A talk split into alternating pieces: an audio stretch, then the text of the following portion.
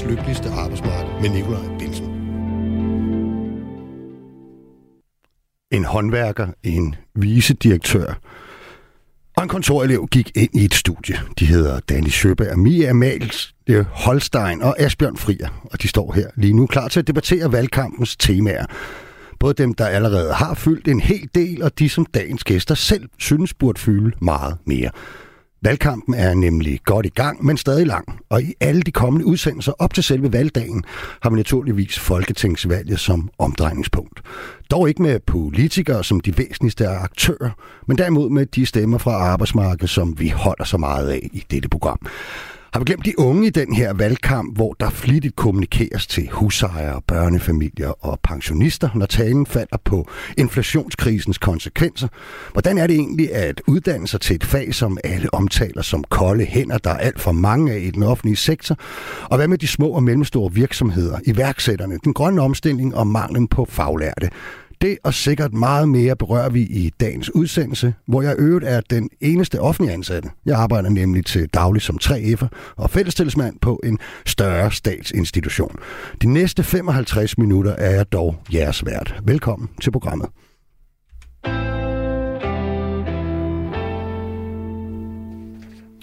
Velkommen til jer tre. Tak. tak. Har I fulgt med i valget? Hele tiden.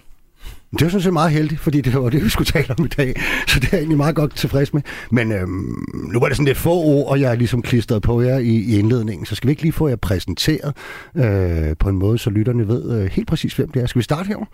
Jo, helt sikkert. Øh, jeg hedder Asbjørn, og til dagligt så arbejder jeg med administration for A4 Medier, øh, hvor jeg er kontorelev.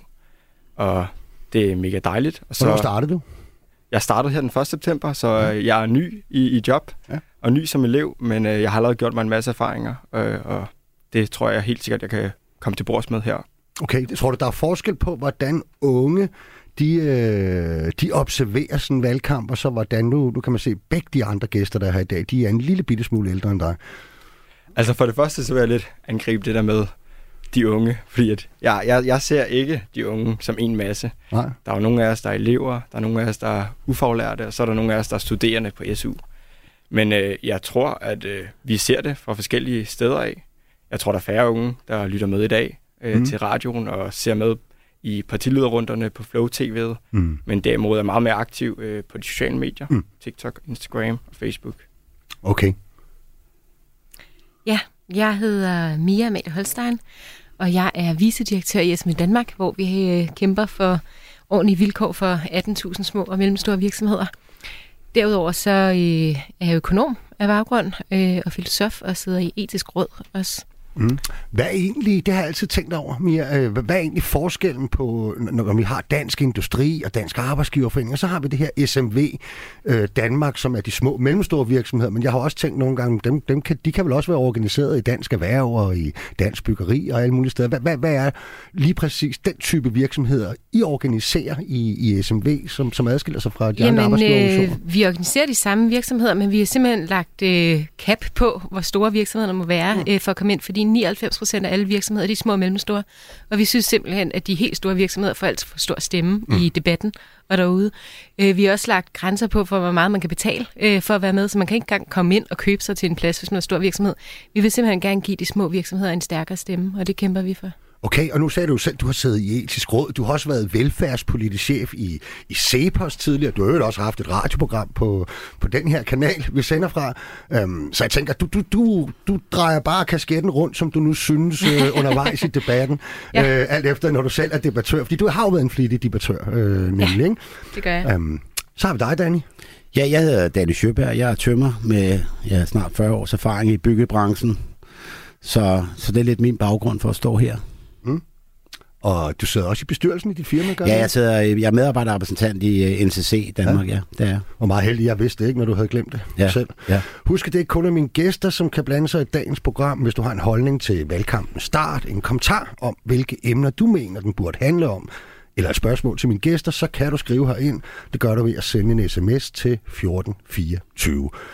Valgkampen er i gang. Plakaterne de kommer op her i weekenden, og vi har både haft partilederrunder, statsministerkandidatdebatter og politikere med pamfletter på gader og stræder. Ikke allerførst, altså hvordan synes I, den er kommet i gang? Har, har tonen været god? Har debatterne været konstruktive? Fylder det for meget eller for lidt?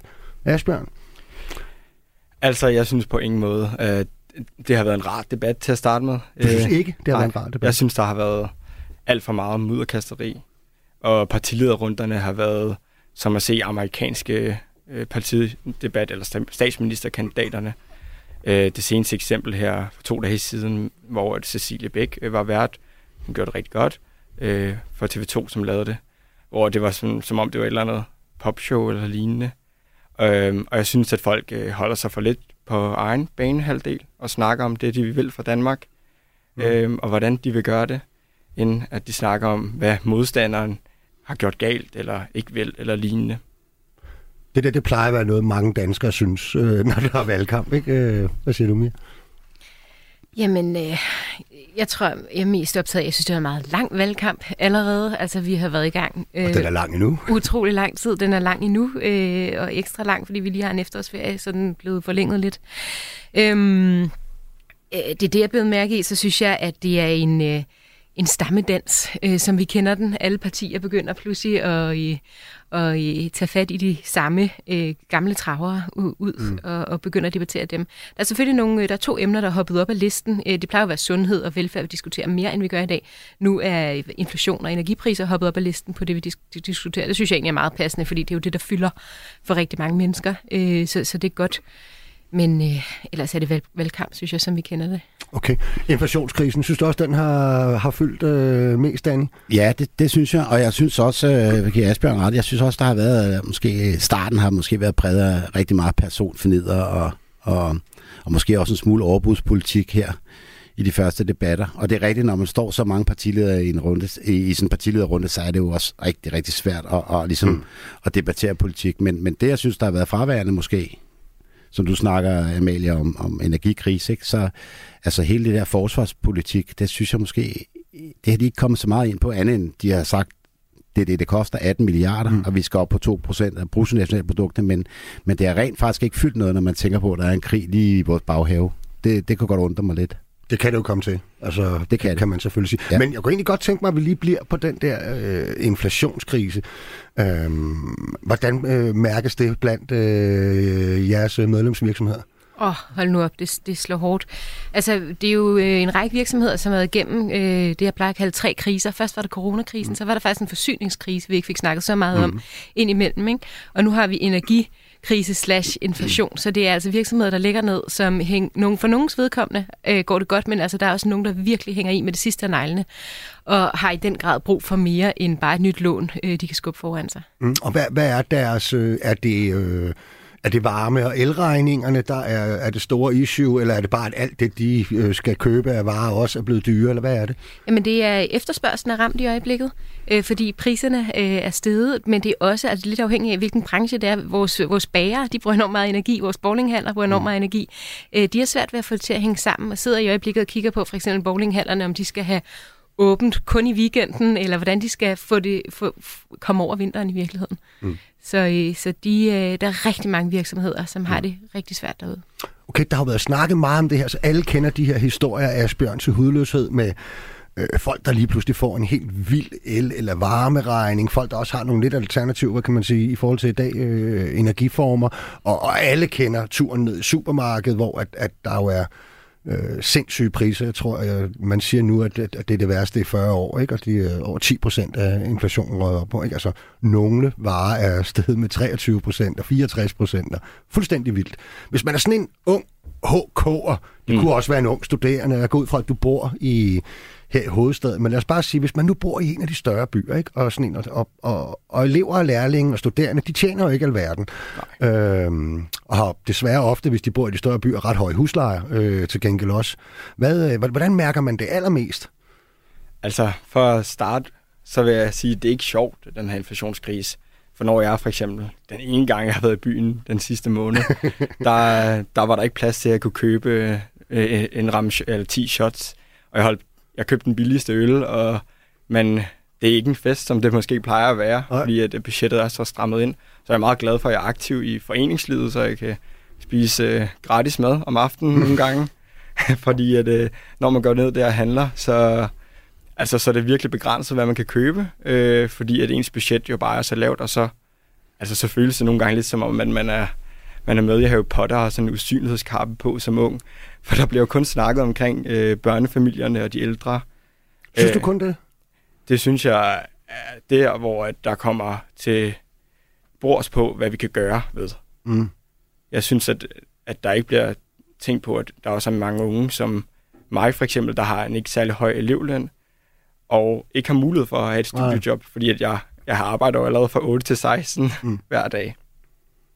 Mm.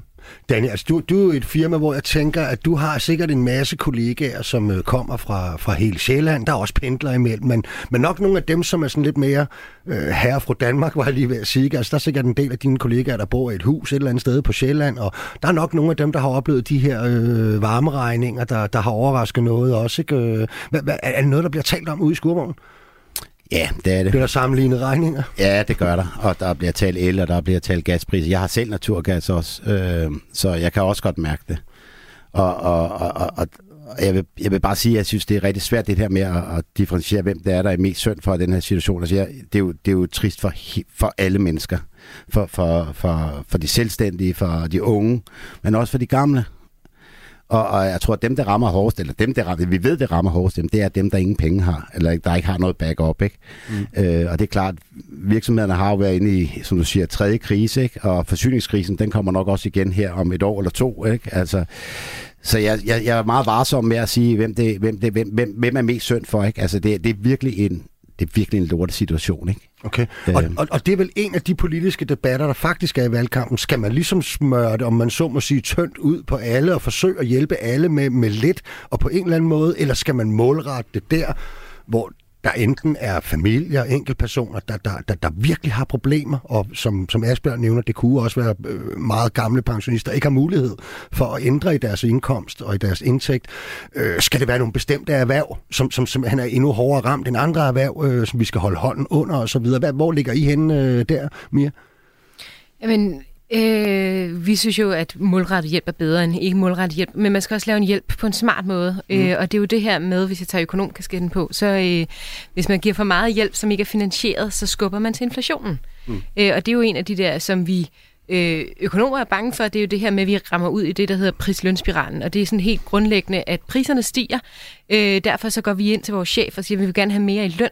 Øh, og grunden til, at måden han kan give mere løn, det er at få priserne til at stige endnu mere. Og så kan vi altså ende i det her, der ligger i 70'erne, 80'erne, mm. som er et fuldstændig altså inflationsmiljø øh, med sindssygt høje renter, og, og det har vi heller ikke lyst til. Mm. Så det er jo bare, det der er så irriterende ved sådan en situation, vi står i nu, det er, at alle skal på en måde blive fattigere. Og der må vi jo så bare prøve at holde hånden under dem, så ingen vælter ud over kanten, øh, hverken de unge eller de ældre eller de værst ramte øh, virksomheder. Mm. Men vi skal gøre det på en rigtig smart måde, så vi heller ikke skubber mere til inflationen. Ja. Er der den bevidsthed også blandt dine kollegaer, Daniel? Nu tænker jeg altså lige om lidt, det er faktisk om få måneder, undskyld, så bliver der udtaget krav til overenskomstforhandlingerne, der starter i, i, i 23. Øh, og der ved jeg, at der findes nogen derude på det private arbejdsmarked, som egentlig havde sat næsen op efter, at nu skulle den altså have en ordentlig drejning øh, på lønnen, fordi der var stor efterspørgsel efter arbejdskraft, man synes ikke, man var stedet nok, osv. Ja, altså der er en forventning om lønstigninger. Ja, det men er som, som Mia så siger, har man så den bevidsthed, som, som Mia, og som i øvrigt også man siger i fagbevægelsen og alle mulige steder, at vi kan ikke bare hæve lønnen, hvis det egentlig betyder, at varerne bare stiger det ekstra, så er vi jo lige vidt. Nej, men altså nu kan man se, altså Dansk Industri havde en undersøgelse, der viser, at lønnen var stedet i Danmark. Altså sådan generelt, der har været gode lønstigninger, men byggeriet var faktisk ikke en af dem. Okay. Øh, de fulgte sådan en almindelig, øh, hvad skal man sige, overenskomstmæssig øh, stigning. Så, så jeg mener faktisk også, at øh, Altså man kan jo sige, at lønmodtagerne har jo ikke den mulighed, at hvis de er, hvis de er økonomisk berøven, så hæver de deres egen løn. Det er der nogle virksomheder, der kan. Og vi ser virksomheder i dag, som har nogle vanvittige profitter. Øh, nu kan vi jo nævne, altså Mærsk er et godt eksempel på det. Ikke? Øh, og vi ser også store virksomheder, som simpelthen udbetaler bonus til deres øh, mm. medarbejdere. Øh, jeg tror, det var Grundfos, jeg tror også Novo har været med. Mm. Øh, og det er rigtigt, det kan godt give noget, det kan, godt, det kan, det kan selvfølgelig godt puste inflation. Det, det, det kan jeg godt regne ud. Men, men modsat, så har jeg det også sådan, altså virksomhederne, er det de rigtige øh, stigninger på varer, og produkter, de har. Altså, det er jo sådan noget, vi finder ud af, når deres, øh, deres årsresultater kommer, kan vi se, at de har haft et unormalt højt profit. Og det, de der regnskaber, de kommer jo op til, for, øh, til overenskomstforhandlingerne, og, og hvis de ligger højt, jamen, så, så vil kravene også være en høj lønstigning. Mm. Nu spørger jeg lige økonomen, øh, det, det, det er du blevet nu med, ikke? Ja, okay. Hvad hedder det? Øh, fordi, at, altså, så, så, som jeg forstår det, så er det sådan, at man kan jo sådan set godt lave noget målrettet hjælp, eller holde hånden under noget, eller for den sags skyld øh, tillade lønstigning, eller poste penge ud i samfundet, hvis man ligesom bremser op tilsvarende et andet sted. Ikke? Og, det, og, og hvad er så logikken? Så er det enten hæver vi skatten, øh, eller også så sparer vi i den offentlige sektor, eller stopper for nogle øh, andre investeringer øh, offentlige, eller hvad? Ja, jamen, du er fuldstændig ret. Altså, man, man taler om at prøve at gøre det finansieret. Men det er også derfor, vi ser de her, den her hjælp, øh, siger jeg, i quotes øh, til virksomhederne, som, øh, som er i øjeblikket, lige i øjeblikket. Det er jo øh, låneordninger. Ikke? De låner på en måde af sig selv, og så skubber man ud i fremtiden. Mm. Det er simpelthen for at, at bremse op. Og det er der meget diskussion om nu. Lige nu så sidder vismændene øh, også og øh, er på vej ud med deres rapport. Rapporten kommer ud her kl. 12, og der sidder de jo også og diskuterer, hvor hård skal den opbremsning være, vi laver. Øh, mit bud vil være, at det vil sige, at allerede i 2023, så er der råd så mange ud på arbejdsmarkedet. Vi kan også se det i tallene på byggeriet, for eksempel. Det er også årsag til, at der ikke er store stigninger der. Konkurserne ligger på niveau med finanskrisen. Mm. Og det, der plejer at ske, det er, at handel og, og, og andre områder følger umiddelbart efter. Så, øhm, så vi er i, midt i en, altså, vi må erkende, at vi er midt i en opbremsning, en, en stor opbremsning af økonomien, og det betyder, at vi alle sammen bliver fattige, det betyder, at nogen mister deres job. Og øhm, Ja, det, Hvad skal man det gøre? er, jamen, jamen det, det er alt for lyst til at sige. Det er et udbudschok. Det er ikke, hvis det bare var en ting på Danmark, så kunne vi gøre et eller andet. Mm. Det her det er jo noget, der rammer verden øh, på grund af energipriserne, på grund af øh, nogle ting, der skete under corona, øh, som gjorde, at øh, der lå priserne kun tit lavt, så derfor får vi det her kæmpe chok til priserne nu. Øh, på grund af en række ting, jamen så er det et, et udbudschok, verden oplever faktisk reelt, er den hårde fakt, at vi kan ikke gøre super meget. Altså vi kan lave nogle ordninger til virksomheden, som vi hele tiden kæmper for, mm. for eksempel låneordninger og andre. Vi vil også gerne gå længere, men der er ikke sindssygt meget at gøre. Øh, et, et, et chok af den her type, det betyder, at alle mennesker bliver fattigere, og så mm. får starte væksten igen. Ikke? Okay. Men alternativet er værre. Ja, alternativet er værre. Asbjørn, øh, hvad har du ellers lagt mærke til af temaer, der, øh, der, der har fyldt i, i, i debatten? Jeg synes, at øh, klima er kommet godt i gang. Venstre kommer også med et udspil. Mm. Øhm, Hold lige ryggen en anelse tættere på telefonen. Øh, ja, klimaet er kommet godt i gang. Mikrofonen. Ja. og det er jeg rigtig glad for, øh, fordi at, øh, hvis vi ikke får reddet jorden, så er der jo ikke så meget at gøre øh, mm. i forhold til at have det fedt her. Øhm, så det, det er i hvert fald fedt, at det er blevet på dagsordenen. Det plejer man jo også at sige, at det er et af de, øh, de emner, der trods alt forener lidt flere unge end, uh, end måske andre generationer, hvor det er mere sådan spredt, hvad man har af holdninger til, til det. Uh, det er vel også noget, I går op i, fordi i dag der er, uh, der er klima jo også et spørgsmål om at kunne tjene penge og lave eksporteventyr og alt muligt andet, ikke Mia? Jo, det går vi sindssygt meget op i. Uh, vi har faktisk... Uh lige en analyse øh, på vej ud, som taler om, hvor mange øh, faglærte, der mangler for at kunne lave den her grønne omstilling, blandt andet. Der kommer til at mangle frem til 2032 81.000 øh, faglærte på tømmer for eksempel. Nu fandt jeg lige det, fordi du, du var med i dag, Danny. Øhm, der kommer til at mangle altså 5 procent 1.911, og der er jo ikke øh, super mange i forvejen. Der har længe været mangel på arbejdskraft. Ikke? På kontoruddannet er det hele 13.000, der kommer til at mangle. Altså så hele vejen rundt, øh, der er vi dybt kritiske over for, at man ikke investerer nok i de faglærte, mm. som er dem, der skal lave den grønne omstilling, øh, og få de her ender til at mødes, når vi skal nå den 70 procent målsætning. Mm. Arbejdsgiver og industrien har altid en god undskyldning for, at arbejdere ikke skal have mere i løn, men sjovt nok skal direktøren og chefer altid have lønstigninger på 20-30 procent. Med venlig hilsen Claus fra Rødovre, som altså har skrevet her ind på 1424. Danny, du er jo den faglærte i, øh, i selskabet, og det er jo det har jo længe været en debat, allerede inden vi snakkede den grønne omstilling, som var øh, fremskrivninger jo, at vi stod og manglede øh, en masse folk med erhvervsfaglig baggrund øh, lidt ude i fremtiden. Øh, det er relativt høje tal, og nu, nu er vi begyndt rigtig meget at snakke om det i forbindelse med, at det er altså dem, vi skal bruge til den grønne omstilling også. Øh, har du også lige sådan selv drejet den op øh, i hovedet, at nu, nu, nu er det meget med henblik på den grønne omstilling, at vi mangler faglærte, og ikke kun for at tjene penge på alt muligt andet? Altså, jeg, jeg, nej, jeg synes faktisk i virkeligheden, jeg har stået i den her situation før, hvor man får at vide, at der mangler faglærte, ikke? og det gjorde vi i 2006-2007, og der, det, det bedste det var, at vi fik flere faglærte, vi manglede, vi manglede, vi manglede, så kommer der en krise, og så bliver... Øh, der kan jeg sige til Asbjørn, det var alle de unge, der blev fyret først, og, og der blev fyret rigtig mange i byggebranchen, og rigtig mange af dem, de har taget andre uddannelser, og dem står vi og mangler nu. Mm. Øh, og det er ikke fordi, jeg siger, at man skal holde hånden under byggeriet specielt, men jeg siger bare, at vi har været meget følsomme over for konjunktur før. Og jeg tror, at unge mennesker, der kigger ind i, i, i, i en uddannelse, hvor man kan se, at det er meget følsomt, og det kan være perioder med lang arbejdsløshed, de vælger noget andet. Så, så jeg tænker, at man skal have en løsning på, på, på det punkt. Fordi... Men, men, undskyld, jeg lige stopper den. Har trods alt ikke historien de senere år, selv under corona, når man alle kontorlandskaberne og øh, hele og halve offentlige sektorer var sendt hjem, byggeriet de kørte for fuld skrald øh, derude. Ikke? I har trods alt været nogle af dem, der nærmest har haft allermest at lave de sidste ja, altså mange vi, år. Ikke? Vi har haft, eller der er nogen, der kalder det en jobfest. Jeg kalder det bare, at jeg har haft et job. Ikke? Men, men altså, altså, vi var jo ikke de eneste. Altså, hele sundhedsvæsenet var i gang. Alle ja, ja. folk var i gang derhjemme.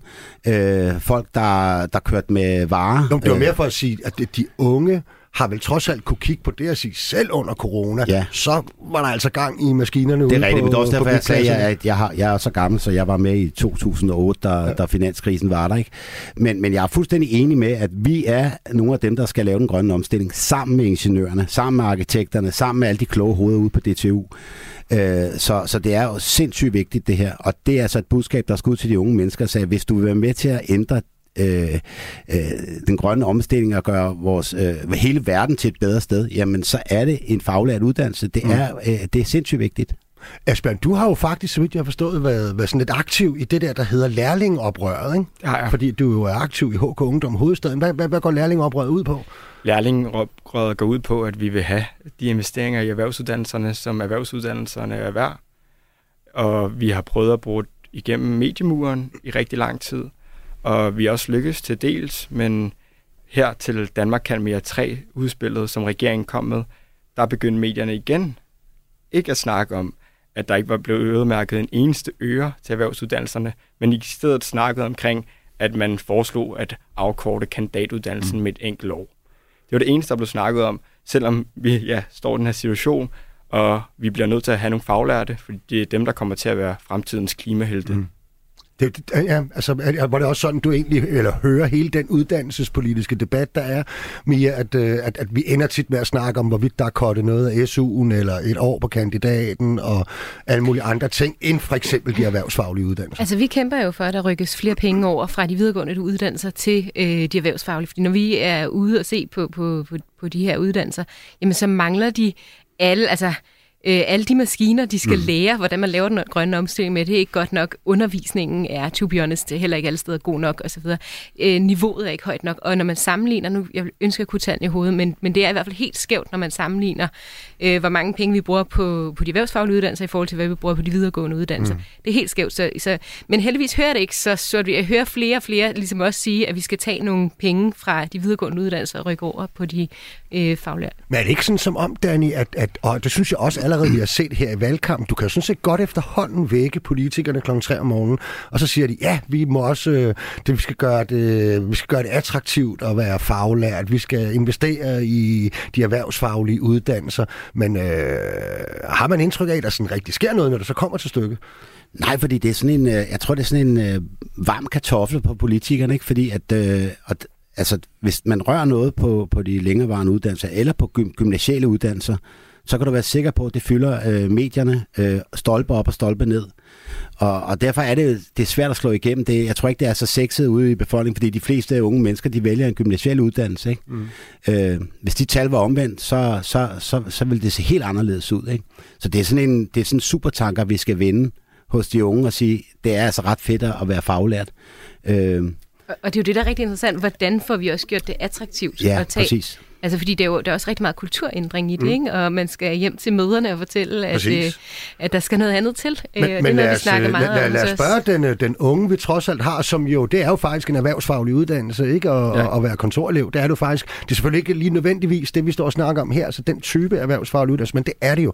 Øh, hvad er det med, med dig og din generation? Hvorfor skal I alle sammen øh, ind på det der gymnasie og øh, videre læse et eller andet på universitetet? Altså, det starter, øh, altså min opfattelse, helt fra folkeskolen af.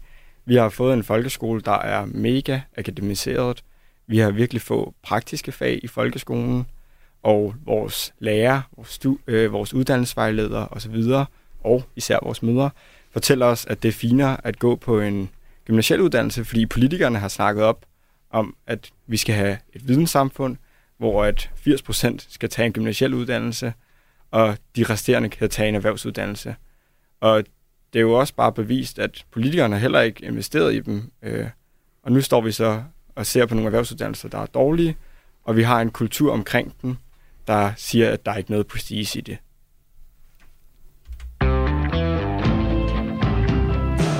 Du lytter til verdens lykkeligste arbejdsmarked med Nikolaj Bensen. Husk, at du fortsat kan blande dig i dagens program ved at sende en sms til 1424. Vi taler valgkampen start og hvilke temaer vi synes, politikerne skulle begynde at lægge større vægt på, og hvad de har talt om. Og det foregår i fremragende selskab af bygningshåndværkeren Danny Søberg, visdirektør i SMV Danmark, Mia Amalie Holstein og kontorelev og aktiv i HK Ungdom Hovedstaden, Asbjørn Frier. Og hvis vi lige bliver lidt på, på, på dig, Asbjørn, fordi nu nævnte du selv i indledningen, at, at øh, ja, en ting er, at de unge, de ligesom øh, ser valgkampen nogle andre steder, end, end de lidt ældre, der sidder på Flow TV og ser partilederrunderne og læser en papiravis og alle de der ting. Øhm, så har du måske også indtrykket af, at, øh, at, at, at, at en del af de temaer, der bliver talt om, de måske lidt for høj grad også henvender sig til, til, til måske meget andet end, øh, end unge, ikke? Ja, altså ungdommen fylder jo ikke størstedelen af samfundet, men vi kommer til at udgøre 100% af fremtiden. Og selvom vi lige nu ikke er en... Marco one-liner. ja, ja. ja. Selvom vi lige nu ikke er en så stor vælgergruppe, så synes jeg, at det er alt for kortsigtet ikke at have et større ungefokus. Og her i valgkampen, så håber jeg på, at der er mere handling end de ord, de fortæller.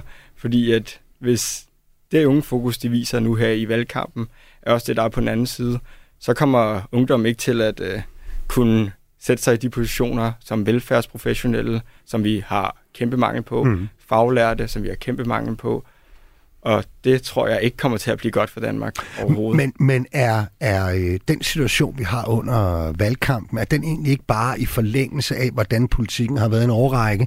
Altså, at det ligesom er nogle andre øh, vælgergrupper, der har været i fokus. Og ret skal være ret. Der har også lige været en coronakris, man skulle håndtere sig osv. Ikke? Men, øh, men er det egentlig ikke bare... Altså, det, det, det er jo så ikke noget nyt ved den her valgkamp lige nu. Det er måske nærmere en kulmination på, hvad der også har været regeringspolitik øh, i et par år, eller hvad? Jeg, jeg synes, at regeringen har prioriteret unge, især i provinserne, øh, igennem at udflytte nogle uddannelser mm. til folk, der bare gerne vil blive derhjemme. Følte du også de unge øh, prioriteret under corona, når man snakkede om, øh, hvad der skulle åbnes op først og så videre? Det, altså jeg synes i hvert fald det, det ikke... de unge, der er hjemme hos mig ikke, Nej, i hvert fald. jeg synes i hvert fald ikke, at erhvervsuddannelserne øh, og også gymnasierne blev prioriteret. Altså der er jo rigtig mange erhvervsskoleelever, som ikke kunne være på skolen og prøve at bruge nogle af deres maskiner, og som så skulle til svendeprøve på en mega mærkelig måde. Nogle af dem, der havde mest behov for at komme mm. fysisk i skole, de blev jo ikke prioriteret først. Mm. Og altså, vi har også nogle unge, som der bare har misset deres ungdomsår. Øh, nogle af de sjoveste første ungdomsår, hvor man tager ud og fester, tager i byen, mm. tager i parker og har det mega sjovt nogen, man har snakket om, Danny, altså de sidste par år, og, og nogen kunne sikkert gerne tænke sig, at, at det var det, vi også skulle tale om i løbet af valgkampen. Det har jo været sådan nogle som os to, altså ikke øh, ufaglærte og faglærte på, på, på arbejdsmarkedet, og muligheden for retfærdig og værdig tilbagetrækning, Arne-pension, og vi har også diskuteret det der med, når vi bliver ledige, så skal de første tre måneder af dagpengene skal være højere end andet. Der har været ganske meget politik, der sådan har, har rettet sig ind imod, i virkeligheden, sådan som os to. Synes du, man har øh, fokuseret nok på de unge? Nej, det er det korte svar. Det, er, det, det synes jeg ikke. Øh, og, og, øh, rigtig meget, det vil jeg godt give Asbjørn ret i, men altså, jeg skal heller ikke stå og forsvare en anden pension, hvor, øh, hvordan, hvordan øh, Socialdemokraterne har, har valgt det. Men jeg kan i hvert fald sige, at øh, det er jo efterhånden 8, i 98, der fjerner man jo ligesom efterlønnen, altså hvad skal man sige, eller begyndte at fjerne den, så det er jo også et eller andet sted det første mm. rigtige øh, velfærdstiltag, der er lavet, og det er jo... I hvert fald i min øh, ja, ja, i vores, tid på ja, det er ikke? og, og jeg, jeg sammenligner det faktisk Arne Pension med at, at lave et, uh, sætte et børneplaster på et åbent benbrud, fordi problemet med nedslidning, det er kæmpestort, og det... Øh, og jeg har det sådan, at et eller andet sted, fordi du har et arbejde, der er fysisk, så skal, så skal man altså også have lov til at, at, at have nogle gode år på pension. Men, men, men, men når det så er sagt, så vil jeg da sige, at, at det med de unge, jamen det, det fylder for lidt. Øh, og, og, og det har det gjort længe. Du snakker om de her erhvervsuddannelser, ikke? Og, og, og, og du snakker, Nikolaj, om uh, corona. Hvad, hvad det var for nogle emner, der blev taget op? Jamen, det var, at de, uh, eleverne ikke kunne komme ud og køre hestevogn. De kunne ikke gå til fester. Men altså, uh, vores lærling i byggeriet, jamen, de kunne altså ikke lave, de kunne ikke bruge deres hammer. De sad hjemme i morens køkken. Altså, der har man jo ikke uh, sav og rundsav med op, vel? Mm. Så, så det var sådan meget med, hvem der skal i gang først. Mm. Så ja, men jeg synes, jeg synes godt, man kunne snakke om, om de unge, fordi jeg giver Asbjørn ret, det er i står af 100% fremtid jo. Så. En del af dem, Mia, som, øh, der, der er vel også en del unge iblandt, altså det er jo de, vi kalder dem i hvert fald nogle gange, de unge iværksættere, øh, kan man sige. Dem har jeg heller ikke rigtig hørt noget om indtil videre i, i den her valgkamp. Øhm, kan, kan vi få det koblet det på en eller anden måde? ja, altså der, det kunne vi i hvert fald se under coronakrisen, at dem, som øh, røg først. Det er dem, som er altså yderst på, på arbejdsmarkedet. Ikke? Det var ud over de unge, så er det selvfølgelig også dem sådan i udkants Danmark. Det var øh, også nogle øh, af de helt ældre. Det var kvinderne først. Øh, så, så hele vejen rundt, så var det dem, der var mest følsomme over for de øh, kriser, vi har været igennem. Mm. Øhm, hvis jeg skulle knytte en anden kommentar til det, så, så skrev jeg også selv en klumme øh, omkring, øh, hvad hedder det, under i øh, under krisen om øh, ungdomsoprøret, der udblev, for jeg er faktisk øh, overrasket over, at de unge ikke øh, var endnu mere på barrikaderne. Jeg synes, de er blevet lidt for pæne mm. øh, nu til dags. Jeg tror også selv, jeg kan knive mig med i den pæne generation, mm. hvor at, øh, vi lytter til de voksne og, og, og taler voksensnak. Men altså, det er jo det her med, at øh, hvis jeg skulle have kæmpet den side, så, så forstår jeg faktisk ikke, hvorfor de ikke øh, var mere på barrikaderne. Okay. Noget af det, der har øh, fyldt os i valgkampen, det har været hele den her debat omkring den offentlige sektors størrelse, muligheden for at effektivisere, byråkrati, administration. Øh, det, det kan du også vække alle partierne om natten, og så vil de også sige, at det skal vi have meget mindre af i den offentlige sektor, og flere af dem er jo nu nærmest derhen, hvor vi kan bare, øh, enten kan vi lukke jobcenterne, eller også så kan vi i hvert fald sagtens spare nogle milliarder, øh, og, og alt fra Socialdemokraterne til de konservative, med, med, med forskellige, hvad kan man sige, øh, øh, angrebsløst, men, men alle mener, at der er en masse at hente på det her administrative arbejde i den offentlige sektor og byråkratiet i den offentlige sektor. Og jeg kommer bare til at tænke på, nu, nu, nu er du jo faktisk, du er ved at uddanne dig som det, vi på arbejdsmarkedet bare kalder HK'er, øh, mm. sådan i daglig tale, ikke, Asbjørn? Altså, hvordan er det egentlig at, at høre sin profession omtalt hele tiden i, altså med så stor vægt i en valgkamp, at øh, altså der er jo nogen, der decideret siger, at øh, jamen, vi kan jo bare flytte nogle af de der kolde hænder, de skal simpelthen ud og, og passe de gamle mennesker, og de skal altså ikke bare, at de skal erstatte sig nogen, men det er dem, der simpelthen øh, skal gøre det, ikke? Nogle af dem, der laver alt det her byråkrati. Hvordan er det at, at høre på egentlig? Man føler sig på ingen måde værdsat for det, man laver. Mm. Og jeg vil også bare fastslå, at administration og byråkrati er en nødvendighed. Hvis vi ikke har nogen HK'er til at koordinere øh, ambulancernes øh, planer, hvor de skal køre rundt, så kører de jo bare forvirret rundt i Københavns gader og leder efter nogen, der har det dårligt. Jeg synes, den der diskurs omkring de kolde hænder er forkert, fordi at vi HK'er, vi har vi er mega borgernære. Det er os, der udsteder kørekort. Det er os, der kompetenceafklarer folk. Vi er overalt i det offentlige, øh, og vi er en vigtig del af det. Mm. Mia, du må være sådan en, der godt kan få øje på plads til forbedring i den offentlige sektor, ikke øh, på det her område? Jo, det, det kan jeg helt bestemt. Altså, øhm, øh, i den offentlige sektor, hvis vi starte der, så er der jo for eksempel på daginstitutionsområdet, der kan vi se fra 78 og frem til 2018, der er andelen af personalets tid med børnene faldet med 30 procent fordi at de bliver bedt om af kommunen at lave kvalitetsrapporter og deltage i en række kommunale projekter osv. osv., osv. Øhm, så jeg er helt enig i, at noget byråkrati er nødvendigt og vigtigt. Øh, fødevarekontroller, miljøgodkendelser mm. kunne jeg også tilføje til din liste. Altså, der er en masse ting, der skal laves. Men min holdning er også, at det stikker af. Der er fem statsminister i træk, der har sagt, at de vil mm. lave et opgør med byråkrati og regler. Og hvorfor ingen lykkes med det? Der er, jamen, øh, Øh, det er de ikke, fordi jeg tror helt seriøst, det handler om, at... Øh, at det er også deres værd, de beviser i at lave regler. Øh, hvad hedder det? Vores statsminister her, hun vil også øh, begrænse byråkrati og regler. Det vokser med 320.000 ord om året i Mette Frederiksens regeringsperiode. Det var kun 58.000 med lykke. Altså, min pointe er, det stikker af, og hvis jeg skulle tage min filosofikasket på, så handler det jo om, om øh, meget mere. Det handler om mening, det handler om... Og, Øh, og, og have det, øh, jeg plejer at kalde den lille frihed, at vi kan navigere. Hvis jeg skulle kigge på håndværkeren, så er det jo sådan noget med, at der er en regel ude på toilettet om, at der skal være 110 cm over til væggen. Vi kan ikke leve med 100. Der findes en regel om, at vi skal have begge fødder på pedalerne, når vi cykler. Vi kan ikke have den ene oppe, i, mm. særligt ikke når vi drejer. Man må ikke holde en hund i snor, når man rider på en hest. Hele vores liv er regelsat. Og der synes jeg, at vi har lavet os begrænse for meget i den lille frihed, og nogle steder i det offentlige, ikke alle, men der kommer det til udtryk som for for mange regler, der hiver mening og værdi ud af arbejdsmarkedet for dem, der er der. Ja, altså jeg vil først starte med at sige, at jeg er enig i, at der er nogle regler, der er ligegyldige, og der er noget byråkrati og administration, der er ligegyldigt. Men jeg tror også, at vi for meget snakker omkring, at vi skal have færre kolde hænder. Men jeg tror mere, at løsningen er, at vi skal have flere varme hænder, som laver mindre kolde hænder arbejde. Hmm. Altså, hvis... Så din point er i virkeligheden, at, at, at, at, at det er også fjollet, at sygeplejersker og pædagoger og læger og alle mulige andre sidder og skal lave administrative opgaver. Det burde HK at gøre. 100 procent. Mm. Altså, der var en øh, analyse omkring nogle specielle læger, hvor de sagde, at øh, de brugte 30 procent eller var 20 procent af deres tid på administrativ arbejde, som de mente, at en ikke-sundhedsfaglig person ville kunne varetage. Der mener jeg bare, når vi har så stor mangel på for eksempel speciallæger, som den undersøgelse pegede på, hvorfor ikke så få nogle flere HK'er til at overtage det job? Altså HK kom også ud med, at vi kunne anskaffe 100 eller 1000 sygeplejersker øh, ved, at flere HK'er varetog nogle af deres administrative opgaver. Det var det forslag, som Socialdemokratiet gik på valg på, at få 1000 nye sygeplejersker. Mm. Danny, den gamle debat, du er den ældste i lokalet. Det kan jeg lige så godt sige. Ja, det, det er ja. ja. Og du har sikkert øh, hørt den til hudløshed før, ikke den her? Jo, og det er fuldstændig rigtigt. Der er der, der, er der, der, er der byråkrati, der kan fjernes. Men jeg bliver også bare nødt til at sige at, øh, til, til mig, at, at nogle af de her regler er jo også lavet for, at øh, hvis man tager sundhedsvæsenet, jeg er jo blevet opereret, det er jo ikke noget hemmeligt, jeg er blevet opereret adskillige gange, ikke? og jeg, jeg er fuldstændig sat på røven over, hvor effektivt det er, når jeg kommer ind og skal opereres.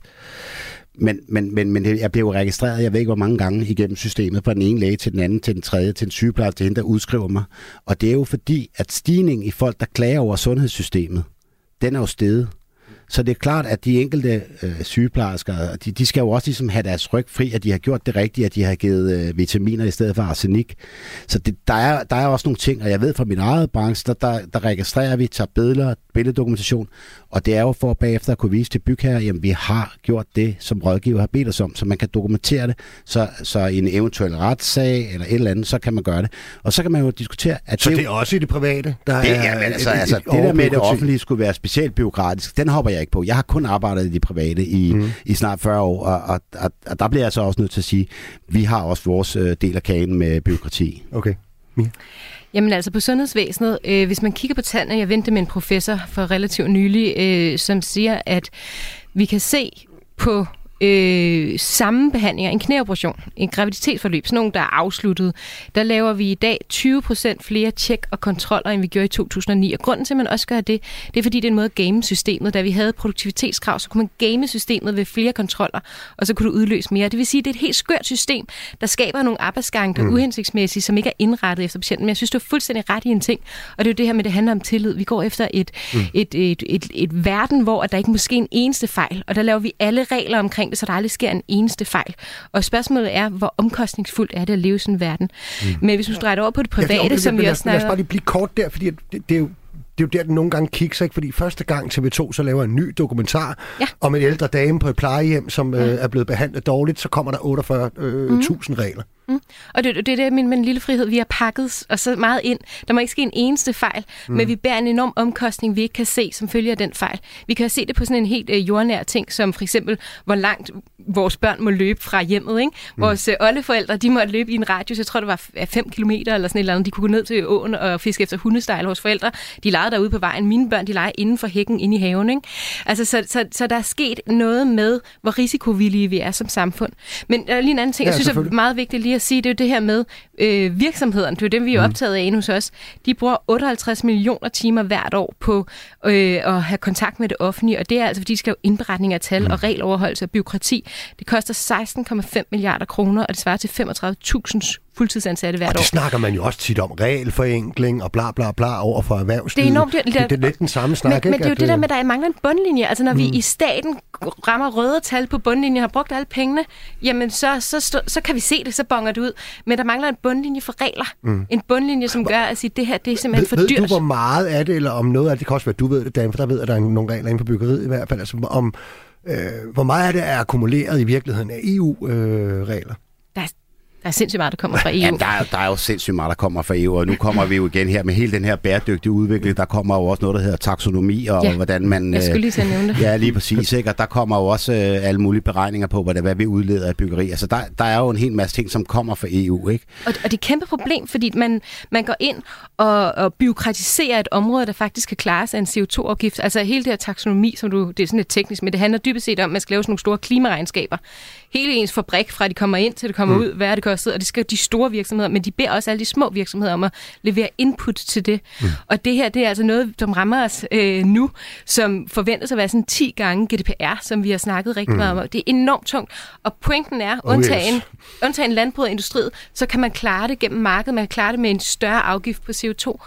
Øh, så, så det er ikke nødvendigt. Altså, det, det er enormt frustrerende, at man laver de her ting. Man kunne ikke blive enige ned i EU om at lave den her EU CO2-afgift, så derfor siger man, så lad os lave det byråkratisk. Mm. Men det koster ude i virksomhederne. Okay, lad os lige prøve at høre Asbjørn så altså nu, fordi debatten er der jo. Jeg tror rigtig mange danskere bakker op om, altså hvem gør ikke det? Det gør du altså nærmest også selv, ikke? Altså som HK, selvfølgelig vil vi gerne flytte flere øh, hænder øh, fra dem, der laver noget unødvendigt øh, eller noget byråkratisk over, øh, der hvor de gør rigtig stor gavn. Men synes du, du i løbet af valgkampen så indtil videre har hørt nogle sådan troværdige løsningsmodeller eller svar på, hvordan man kan gøre det. Fordi jeg må da indrømme, jeg har sådan primært hørt, så kan vi lige fjerne 3 milliarder der, og vi kan fyre 12.000 der, og vi kan... Det, det, er noget firkantet, synes jeg, ikke?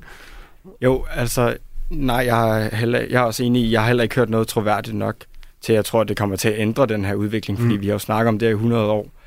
Øh, jeg, jeg tror, man skal kigge på den tilgang, man har til hele det her med regelsæt og så videre. Altså nu har vi jo kørt New Public Management i så lang tid, og det skal vi altså snart til at stoppe med. Øh, vi har stadig masser af administrative funktioner, der skal øh, foregå, øh, men vi må, vi må prøve at se en anden tilgang til regler og byråkrati. Alle vil af med kontrol, lige indtil man sidder med ansvaret og skal undskylde til Godthåbsdrengene, pårørende til Scandinavian Star og et utal flere statskontrolsvigt. Med venlig hilsen, Tommy fra Vestjylland. Og det er jo en lille del i virkeligheden af det, vi taler om, øh, Mia, ikke? Altså, øh, med det der. Har du hørt nogle troværdige svar øh, på, på, hvordan vi... Jamen altså, vi kan jo kigge rundt øh, i andre lande, hvad man gør. Øh, England prøver den her one in, one out. Øh, problemet er, at nogle gange er der nogen, der, der øh, hvad hedder det, gamer systemet igen og putter alt for meget ind i en lov. Mm. Øh, en anden ting, det kunne være simpelthen, det er lidt drastisk, men betal virksomhederne og institutionerne og andre for det, byråkrati ligger ned over dem. Det er jo en måde at ligesom få folk til at tænke over, er det her need to have eller nice to have? Mm. Og så synes jeg, der bør være en funktion inde i staten, et sted inde i maven, hvor at man altid vurderer, man kan, i stedet for at lave byråkrati, kunne vi så erstatte det af noget markedskonkurrence, certificeringsordninger, kvalitetsundersøgelse, registreringer i forsikringsprodukter. Findes der andet? at gøre. Altså, jeg har det lidt ligesom, om vi står der, hvor hvis man skulle genopfinde markedet, så tænker man, at vi vil ikke bruge penge, men lad os i stedet for lave en masse byråkrati, hvor vi skriver ned alle de goder, jeg godt kunne tænke mig, og alle de goder, jeg gerne vil give slip på, og så prøver vi at bytte papir med hinanden. Mm. Det fungerer simpelthen ikke, og det bliver nødt til at stoppe. Har du nogle øh, gode svar, Danny, som øh, politikerne burde høre? masser. ja, ja, masser. Men altså, jeg, jeg, jeg tror jo, altså det, det man kan, i hvert fald kan se hver gang, der kommer nogen, der skal forenkle de her byråkratiske ting, så ender det jo som regel med, at der kommer flere. der kommer mere byråkrati af at prøve at forenkle det. Og jeg har, jeg har sgu ærligt talt ikke løsning på, hvad i, i, i store virksomheder eller i store uh, offentlige institutioner, hvordan man kan, man kan, man kan gøre det. Men, men det. men jeg tror, i dem, der ved det bedst i hvert fald, hvordan man gør tingene mest effektivt, det er jo dem, der står med fingrene nede i gryden. Mm. Og det er enten, om det er på byggepladsen i det private, ja, det, eller det, om det, det, det, er fuldstændig lige meget, om det er, om det er en kontorelev, eller, mm. eller om det er en skraldemand, eller hvem pokker det er. Så den, der ved lige nøjagtigt bedst, det er altså den, der står nede. Og jeg tror bare mange gange, når, når det kommer op fra, jamen, så har det ikke, det er simpelthen ikke bundklang i virkeligheden. Mm. Det er i hvert fald det, jeg oplever tit. Nej, okay. Jamen, det, det er jo også noget af det, jeg oplever nu. Mia nævner jo det her altså spørgsmål om tillid. Øhm, når vi snakker den offentlige sektor, så, så bliver det jo rigtig tit oversat til øh, slippe fagligheden fri, lade medarbejderne bruge deres faglighed og give dem frihed til at, øh, at gøre ting. Og, og der er jo altså noget rigtigt øh, i, at måske skal man stole på, at de pædagoger, der er ansat i den her institution, øh, de faktisk vil øh, vores børn det bedste, og de faktisk er så dygtige, at de kan se hver enkelt. Det er klart, det betyder, at nummeringer og så videre skal være i orden, men, men, øh, men, men er der ikke noget den vej? Jeg kom bare den. Jo, og måske skulle man også lade være med at sige, som Mette Frederiksen gjorde, så kan vi bare tage de kolde hænder, altså HK'erne, og så lige komme, nu mangler vi institution, folk i institutioner, så kan de gå med og arbejde med børn. Ja. Men hvad nu, hvis man ikke kan lide børn? Altså, ja, ja. altså jeg kan Eller lide at sidde bag en computer, men jeg kan, jeg kan faktisk ikke lide børn. Jamen, så nytter det sgu ikke, at man bliver pædagog, vel? Så der, der er jo nødt til at være noget realisme i det her også, synes mm. jeg noget realisme. Lige en, en, en sidste på den der unge runde der, øh, Asbjørn, ikke? Øh, det har været meget lidt nævnt, men jeg synes, det, det, det er egentlig lidt underligt, det ikke har fyldt mere i, i valgkampen. Det er, at vi, vi snakker jo også om den her mistrivselskrise blandt, mm. øh, blandt de unge. Synes du, det har været øh, nok fremme indtil videre? Overhovedet ikke. Og skal det mere frem? Meget, ja, meget, meget, meget mere frem. Hvad går altså, det ud på? Altså, det går ud på, at vi lige nu har den generation, der har det dårligst. Altså unge generation, der har det dårligst. Øh, hver anden pige i 8. klasse øh, mistrives, føler sig ensom. Det er jo, det er jo, det er jo grundlæggende mega forkert. Øh, og vi snakker ikke nok omkring de elever og øh, ufaglærte, som også mistrives. Vi snakker rigtig meget om dem på skolerne, der mistrives. Så dem synes jeg også skal i fokus mere. Kan, kan, kan en årsag til, at vi ikke snakker mere om det, være, at politikerne ikke rigtig ved, hvad de skal gøre? Ja, altså jeg, jeg tror, at der er nogle politikere, der har nogle bud. Altså Mette Frederiksen sagde det jo også selv, at man jo så kan være aktiv i sin sportsforening. Øh, jeg tror, at øh, det er individualisering, der har, der har gjort den her ensomhed, skabt den her ensomhedskrise, mm. som man næsten burde kalde det for. Og vi har brug for nogle flere fællesskaber, vi har brug for at få unge væk fra iPads om aftenen og deres computer og ud i øh, foreningslivet og ud blandt venner Okay, så I skal i virkeligheden være lidt mere som, da mig og Danny voksede op. det er det, du siger, Mia.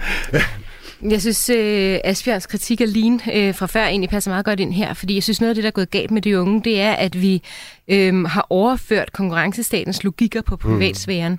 Altså, vi har ligesom gået ind og sagt, øh, det er, hvad der måles, og hvad der kan resultat osv. Så, videre. så nogle gange har vi også overført øh, konkurrencesamfundets, øh, hvad hedder det, eller privatsfærens øh, logikker på konkurrencesamfundet, og vi med gode intentioner brolægger os vej til færre, en, mindre administration. Det går ligesom galt, hvor vi bruger hvilke logikker, mm. og jeg synes, det er øh, enormt synd for de unge mennesker i dag, øh, og de skal være opmærksom på, at de er underlagt et hårdt pres om at være resultatorienteret og levere og så videre, som i virkeligheden ikke er det, der får mennesker til at vokse og blomstre. Mm. Jeg vil sige, at ja, unge er øh, overlagt et øh, præstationspres, men jeg tror ikke, det er det, der er hovedproblemet. Øh, jeg tror, det er ensomheden, at vi ikke indgår i nok fællesskaber. Fordi min mor fortalte mig også, da hun gik i gymnasium, at der gik det også op i karakterer, mm. fordi det krævede det også for at komme på videregående uddannelser. Øh, så jeg tror, det er noget mere grundlæggende med, at vi får meget alene. Vi får lidt i fællesskaber, der er større end os selv. Vi er i hvert fald enige om her, at øh, det tema må godt fylde øh, noget mere i, i valgkampen. Danny, du har også øh, et tema, som du synes øh, burde fylde lidt mere. Ja, altså, jamen, det har altså, i virkeligheden er det måske et spørgsmål til politikerne, for, for øh, jeg synes ikke, jeg hører nok om, øh, hvad de vil gøre ved den her såkaldt manglende arbejdskraft. Altså, øh, rigtig mange partier vil sænke beløbsgrænsen, nogle vil fjerne den helt. Og så tænker jeg bare, hvad er det for, jeg kunne godt tænke mig at hvad er det for et arbejdsmarked, vi får, mm. hvis man sænker beløbsgrænsen, i stedet for at tage imod det fremragende forslag fra 3F's formand, der hedder, hvis at øh, de arbejder på øh, overenskomstmæssige vilkår med en tillidsrepræsentant, og øh, lønnen efter den gennemsnit, der er i den branche. Altså, og det sagde de nej til, øh, og det forstår jeg ikke. Øh, jeg er rigtig bange for et arbejdsmarked, der bliver der går efter laveste fællesnævner, hvad angår løn og arbejdsvilkår. Og, og, det og sætter du en lighedstegn mellem øh, øget andel af udlandsk arbejdskraft, fordi vi har faktisk haft re- rekord meget udlandsk arbejdskraft netop her i, i, i de her år, altså under det nok, ikke? Ja, det, det, det, det tør jeg godt sætte hovedet på på. Det gør jeg. Jeg kan se inden for min branche, at, øh, at øh, arbejdsulykker og dødsulykker, altså det er jo ikke faldet. Øh, selv under, efter finanskrisen, der var der jo altså, dødsulykker, så det, altså, det, det, man kunne skamme sig over. Og, det, og det, desværre går det ud over de de folk, der kommer fra Østeuropa, og det er dem, der er måske svagest mm. i forhold til at stille op over for arbejdsmiljøet. Ikke? Og, øh, og hvis vi skal have et, et, et, et, et, et, et, øh, et, nogle, nogle grønne omstiller i faglærte, så, så skal vi altså også have en unge, der kan holde til at arbejde, og ikke øh, komme galt af sted på sit arbejde. Og det er det, jeg er bange for, at arbejdsmarkedet der bliver Mm. Ja. Nu har vi snakket lidt om, at man kunne vække politikerne kl. 3 om natten. Nogen man også kan vække kl. 3 om natten øh, og få et svar om manglende arbejdskraft. Det er også arbejdsgiveren, ikke, øh, Mia? Og I vil egentlig gerne have noget mere udlandsk arbejdskraft, eller hvad? Altså, vi har jo... Øh, vi er helt med på det der med, at det skal ske på ordnet, i underordnet forhold, ikke? og ordentlige vilkår, og selvfølgelig skal der ikke være nogen, der falder ned for nogle laser og alt det her. Så det, det synes jeg giver sig selv. Men, øh, men der er rigtig mange brancher, og der er vi jo ikke kun i byg. Øh, der er rigtig mange brancher, der siger, vi kan slet ikke få vores virksomhed til at fungere, hvis vi ikke får noget mere udenlandsk arbejdskraft. Altså øh, dem, der sætter øh, telte op, for eksempel øh, på store festivaler og andet, de, har, de er helt afhængige af den her udenlandske arbejdskraft, og de har brug for mere. Øh, og de, de, de kalder på mere nu, fordi det er en bremse for, for væksten og fremgangen. Øh, mm. så, så der er øh, alle mulige ting, jeg synes, man skal gøre på det. Men hvad så med det forslag, Danny rejste med... Arbejdskraft. Ja, men hvad, hvad så med det forslag, Danny rejste på, på vegne godt nok af tre formanden, at øh, altså, jamen, hey, bring them on, hvis det sker øh, på overenskomstmæssige øh, betingelser. Hvis, hvis det bliver, øh, hvad kan man sige, adgangsbilletten til bare at, at fylde på. Altså hvis ordnet forhold er adgangsbilletten, så synes jeg, det lyder rigtig fornuftigt. Mm. Jeg skal lige sige, at arbejdsmarkedspolitik, det er faktisk ikke vores område. Vi har erhvervspolitik mm. inde hos os. Men, øh, men hvis jeg skulle række mig ud over det, så ordnet forhold selvfølgelig. Mm. Okay, så det, det, det går men, men det ja. siger de jo også tit arbejdsgiver, ikke? Jo, men det er også, jeg hører tit fra arbejdsgiver sige, at selvfølgelig skal det være på, øh, på ordnet arbejdsforhold, og I skal jo ikke falde ned for stilæserne, men, men vi, vi falder ned for stilæserne. Mm. Altså, det er det, der rent faktisk sker. Så, øh, så det, det mangler i hvert fald noget, noget, at politikerne tager en snak om, hvad, hvad er det for et arbejdsmarked, vi vil have, hvis, ja. vi, vil, hvis vi vil have folk ind fra, fra andre lande, okay. uden for EU vel at mærke, fordi der er jo egentlig arbejdskraft nok i EU. Men... Altså, og, og jeg ved godt, ledigheden Mia, er enormt lav, altså den er sådan set rekordlav, og vi har rigtig mange både langtidsledede, kontanthjælpsmodtagere osv. De er faktisk i gang. Øh, det er i hvert fald flere end, end, end, end nogensinde før. Men, øh, men er der ikke stadig nogle, nogle, hvad kan man sige, nogle håndtag at dreje på? Dels for at få nogen til at arbejde lidt længere, og for at få nogen knyttet lidt tættere på, på arbejdsmarkedet, ja. inden vi henter det udefra. Der er masser af ting, man kan gøre. Øh der er på uddannelse, altså få uddannet de rigtige, som vi startede lidt med. Der er det her med at få seniorer til at blive længere på arbejdsmarkedet. Øh, jeg, vi kommer også til, at skal vi forvente at se et helt andet arbejdsmarked i 2023, Øh, mm. Med vinder vi ender i de her, som jeg begyndte at skræmme billeder tegnet op i starten med 70'erne og, og hvad der sker der. Ikke? Men altså, fordi at vi er i gang med den her opbremsning øh, i, i økonomien, så kommer der til at komme flere ud på arbejdsmarkedet lige om lidt. Mm. Så det er et arbejdsmarked under forandring. Øh, men men øh, vi er åbne for alle øh, måder, vi kan få en god arbejdskraft under ordnet forhold ind. Det er jo trods alt meget, for da jeg startede på arbejdsmarkedet, der var der over 350.000 øh, arbejdsløse. Der var det noget sværere at finde et arbejde. Det må egentlig øh, være meget fedt trods alt at være ung i disse år, hvor at, øh, at virksomhederne skriger efter ens arbejdskraft, og alle vil have, man skal uddanne sig til lige præcis det, de laver osv. Eller hvad, Asbjørn? Altså, for, for at tage med den der, at de skriger efter en, det er, jo, det er jo rigtig fedt, hvis det så bliver nogle fede jobs, man så kommer ud i. Fordi at, øh, der er jo rigtig mange, som der øh, også gerne vil have en i service- og restaurationsbranchen, mm. som bare ikke gider at give en ordentlig løn. Øh, det hører jeg fra alle mine venner af, som arbejder der. Mm. Det, der er nogle af dem, der tjener 104 kroner om natten på en bar. Øh, og det er, jo, det er jo ikke ordnet forhold, og det er mærkeligt, når man skriger så meget efter arbejdskraft, hvorfor man ikke så bare siger, vi sætter løn, lønningerne op, mm. vi, vi skaber bedre vilkår. Kunne arbejdsgiverne selv gøre mere her, Mia? Øhm, altså igen, du presser mig lidt ud på, øh, øh, hvad hedder det, sådan noget, et politikområde, vi faktisk ikke dækker inden hos os, fordi vi laver sådan, om virksomhederne, de har vel også et ansvar for selv at tiltrække arbejdskraft? Det synes jeg da, altså ja. Øhm, vi har lavet sådan en, øh, en, en dating-funktion øh, inde mm. hos os, hvor vi prøver at hjælpe ukrainsk arbejdskraft mm. øh, ud. For det her var jo, der er jo et inflow af på et tidspunkt. Fordi meget af det, der også er på arbejdsmarkedet, det er et mismatch-problem. Ikke? Det er, at vi skal have de rigtige mennesker til de jobs, der har det behov. Øh, og, og der øh, synes jeg, vi også har et ansvar som arbejdsgiver til at sørge for, at det går op. Mm. Danny? Ja, ja der, der er jeg jo sådan set enig. Altså, det gælder om at finde de rigtige folk til det rigtige arbejde. Og øh, det er jeg ikke sikker på, at man nødvendigvis øh, finder i, i udlandet. Øh, vi har dem herhjemme, og jeg tror, hvis man spørger folk, der er fyldt 50, øh, og spørger, når de søger arbejde, så får de rigtig, rigtig mange afslag. Øh, så jeg tror, der er rigtig mange knapper at skrue på, inden vi begynder at kigge ud over landets grænser. Mm. Der, der er altså en, et stort potentiale herhjemme nu. Hvad, nu spurgte jeg jo trods alt øh, mere for, hvad arbejdsgiverne kunne gøre. Hvad kan, hvad kan man som kollega, hvad kan fagbevægelsen gøre, Danny, for dels at få flere unge til at uddanne sig i den retning, hvor vi mangler kollegaer, men øh, også få tiltrukket øh, mere arbejdskraft til, til, til det firma, man arbejder i? Jamen altså, det fagbevægelsen kan gøre og gøre, det er jo at sørge for, at der er ordnede arbejdsvilkår herhjemme, så, så de mennesker, der kommer og arbejder i Danmark, hvis de kommer udefra og siger, det der land, der er altså styr på det, der kan man leve af sin løn, og man øh, dør ikke af at gå på arbejde eller bliver syg, jamen så tror jeg, det vil være rigtig nemt at skaffe arbejdskraft. Danny Sjøberg, Tømmersvend er Guds nåde. Tusind tak, fordi du ville deltage i dagens program. Mia Amalie Holstein, visdirektør i SMV Danmark. Tak, fordi du ville deltage. Selv tak. Og sidst men ikke mindst, var det første gang, du var i radioen, Asbjørn? Ja, det var det. Asbjørn Frier, giv ham lige sådan en knipse. det gjorde du godt. Ja, det gjorde du skide godt nemlig. Og også tak til jer, der lyttede med derude. Valgkampen fortsætter vi som altid tilbage igen i næste uge, samme tid og sted med mere valgkampsradio, der forsøger at sætte fokus på de temaer, som især betyder noget på arbejdsmarkedet. Verdens lykkeligste arbejdsmarked, det er produceret af Rackerpark Productions for Radio 4. Det var tilrettelagt af Julie Lindhardt Højmark og dagens producer Mads Gordon Ladekarl. Vi høres ved.